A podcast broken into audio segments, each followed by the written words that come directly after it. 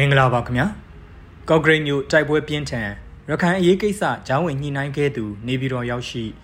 ဦးသိန်းညွန့်တီထောင်နဲ့ပါတီဥက္ကဋ္ဌနေအိမ်မှာပြစ်တက်ခံရကရင်ပြည်နယ်ကော့ဂရိတ်မြို့ကို KNL နဲ့ပူးပေါင်းတပ်တွေကမြို့သိမ်းဖို့ရည်ရွယ်ပြီးတိုက်ခိုက်နေတဲ့တိုက်ပွဲတွေနဲ့ဒီဇင်ဘာ၁ရက်နေ့မှာမြို့ရဲ့နေရာအချို့မီးလောင်နေတယ်လို့ပြစ်ခတ်မှုတွေကြောင့်အရက်သားထိခိုက်ဒေဆုံးမှုတွေလည်းရှိနေတယ်လို့သတင်းတွေမှာဖော်ပြထားကြပါတယ်။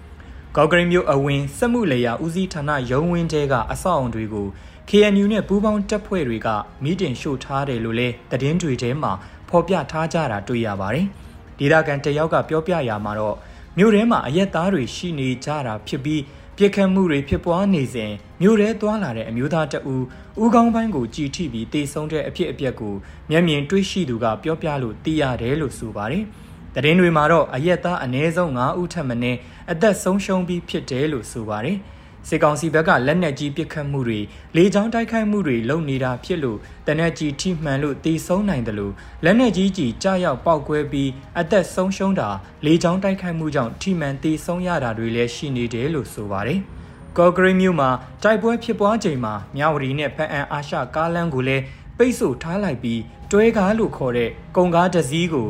လမ်းပေါ်ကန့်လက်ဖြတ်ပိတ်ဆို့ထားခိုင်းပြီးမြောင်ရီကဆင်းလာတဲ့ကားတွေနဲ့ဖအံကမြောင်ရီသွားမဲ့ကားတွေပါအားလုံးရက်ဆိုင်ထားရပြီးပြစ်ခတ်မှုတွေလည်းရှိနေတာမို့လို့လမ်းနဘေးတွေမှာဘေးလွတ်အောင်ပုံခုနေကြရတာလည်းဖြစ်ပါတယ်။ကရင်ပြည်နယ်ဖအံကနေထိုင်းနယ်ဆက်မြောင်ရီမြို့ကိုသွားတဲ့ကားလမ်းပေါ်မှာတီရှိတဲ့ကော့ဂရိတ်မြို့ကို KNU နဲ့ပူးပေါင်းတပ်ဖွဲ့လို့ဆိုတဲ့စစ်ကြောင်းတွေအဆိုပါလက်နက်ကင်အဖွဲ့တွေမှာပါဝင်နေကြတဲ့ PDF လူငယ်တွေပါဝင်ပြီး တိုက်ခိုက်နေတယ်လို့သတင်းဖော်ပြချက်တွေအရသိရပါတယ်။ KNL နဲ့ပူးပေါင်းတပ်ဖွဲ့တွေလို့သတင်းတွေမှာရေပုံရဆန်တဲ့အတုံးနှုံနဲ့ဖော်ပြကြပေမဲ့ပူးပေါင်းတပ်ဖွဲ့တွေမှာ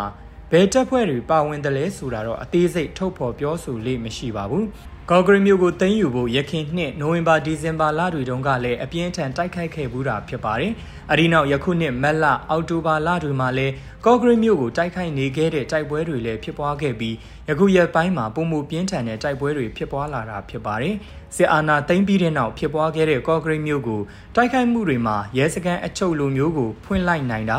မျိုးစုပေါင်းရုံးကိုတိုက်ခိုက်ခဲ့တာတွေရှိပေမဲ့ မြို့တစ်မြို့လုံးကိုတော့ထိန်းချုပ်နိုင်ခြင်းမရှိခဲ့သေးပါဘူးအခုနောက်ဆုံးအချိန်ဖြစ်ပွားနေတဲ့ကော့ဂရိတ်မြို့သိမ်းတိုက်ပွဲမှာတော့စစ်ကောင်စီအနေနဲ့အရင်လိုအနေအထားမဟုတ်ပဲနေရာအများပြားမှာတပြိုင်နက်တည်းစစ်မျက်နှာရင်ဆိုင်တိုက်ခိုက်နေရခြင်းဖြစ်လို့ KNL နဲ့ပူးပေါင်းအဖွဲ့တွေအနေနဲ့ဒီအနေအထားကိုအခွင့်အလမ်းတရက်အဖြစ်ရှုမြင်ကတိုက်ခိုက်ကြတာလို့ကောက်ချက်ချစရာရှိပါတယ်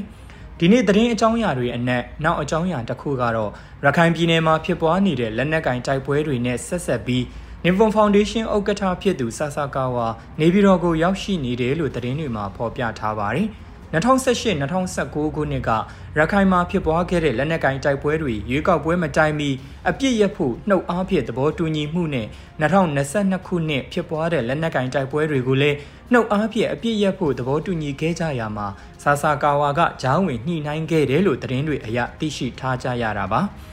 Nippon Foundation ဟာမြန်မာနိုင်ငံလက်နက်ကင်ပဋိပက္ခဖြစ်ပွားနေတဲ့တိုင်းရင်းသားဒေသတွေကိုလူသားချင်းစာနာမှုအကူအညီအထူးသဖြင့်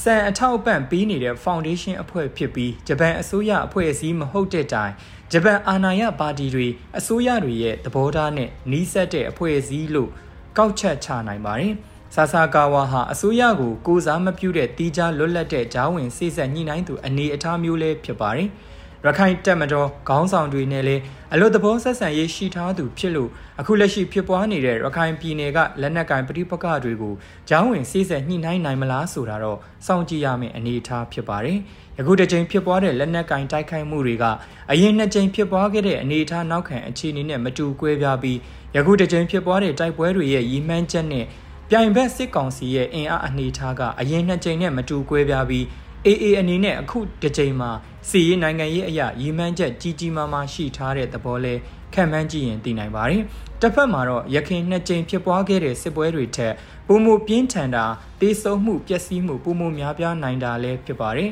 ။ဒီနေ့အတွက်တတိယမြောက်သတင်းအကြောင်းအရာကတော့ဦးသိန်းညွန့်တီထောင်ထားတဲ့အမျိုးသားဒီမိုကရေစီပါတီတရဲ့ဥက္ကဋ္ဌဖြစ်သူဦးတန်းထွန်းကိုငမိုးရိပ် Mission Network လို့နာမည်ပေးထားတဲ့မြို့ပြပျောက်ကြားအဖွဲ့တစ်ဖွဲ့က ဒီဇင်ဘာ၁ရက်နေ့က၎င်းရဲ့နေအိမ်မှာတနက်နဲ့လာရောက်ပစ်ခတ်ကလောက်ကျန်တက်ဖြတ်သွားခဲ့ပါတယ်။ဦးသိန်းညွန့်ဟာရခိုင်စစ်အစိုးရလက်ထက်တလျှောက်လုံး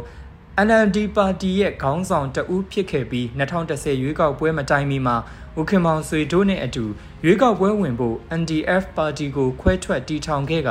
နောက်ပိုင်း၎င်းဘာသာခွဲထွက်ပြီးအမျိုးသားဒီမိုကရေစီပါတီတစ်ကိုတီထောင်ခဲ့တာလည်းဖြစ်ပါတယ်။ 2021စစ်အာဏာသိမ်းပြီးတဲ့နောက်နိုင်ငံတော်စီမံအုပ်ချုပ်ရေးကောင်စီရဲ့ကောင်စီဝင်အဖြစ်ကမ်းလှမ်းမှုကိုလက်ခံကဦးခင်မောင်ဆွေလိုပဲကောင်စီဝင်အဖြစ်ပါဝင်ခဲ့က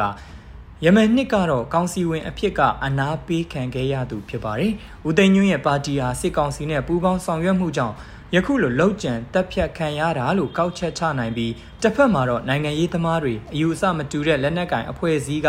မဟုတ်သူတွေကိုလောက်ကျန်တက်ဖြတ်ခြင်းက မြန်မာနိုင်ငံရေးမှာအကြမ်းဖက်လောက်ကျန်တက်ဖြတ်တဲ့အစဉ်အလာတစ်ခုကိုကျေပြန့်လာအောင်လှုံ့ဆော်တယ်လို့လည်းဖြစ်လာနိုင်တာဖြစ်ပါတယ်ခင်ဗျာ။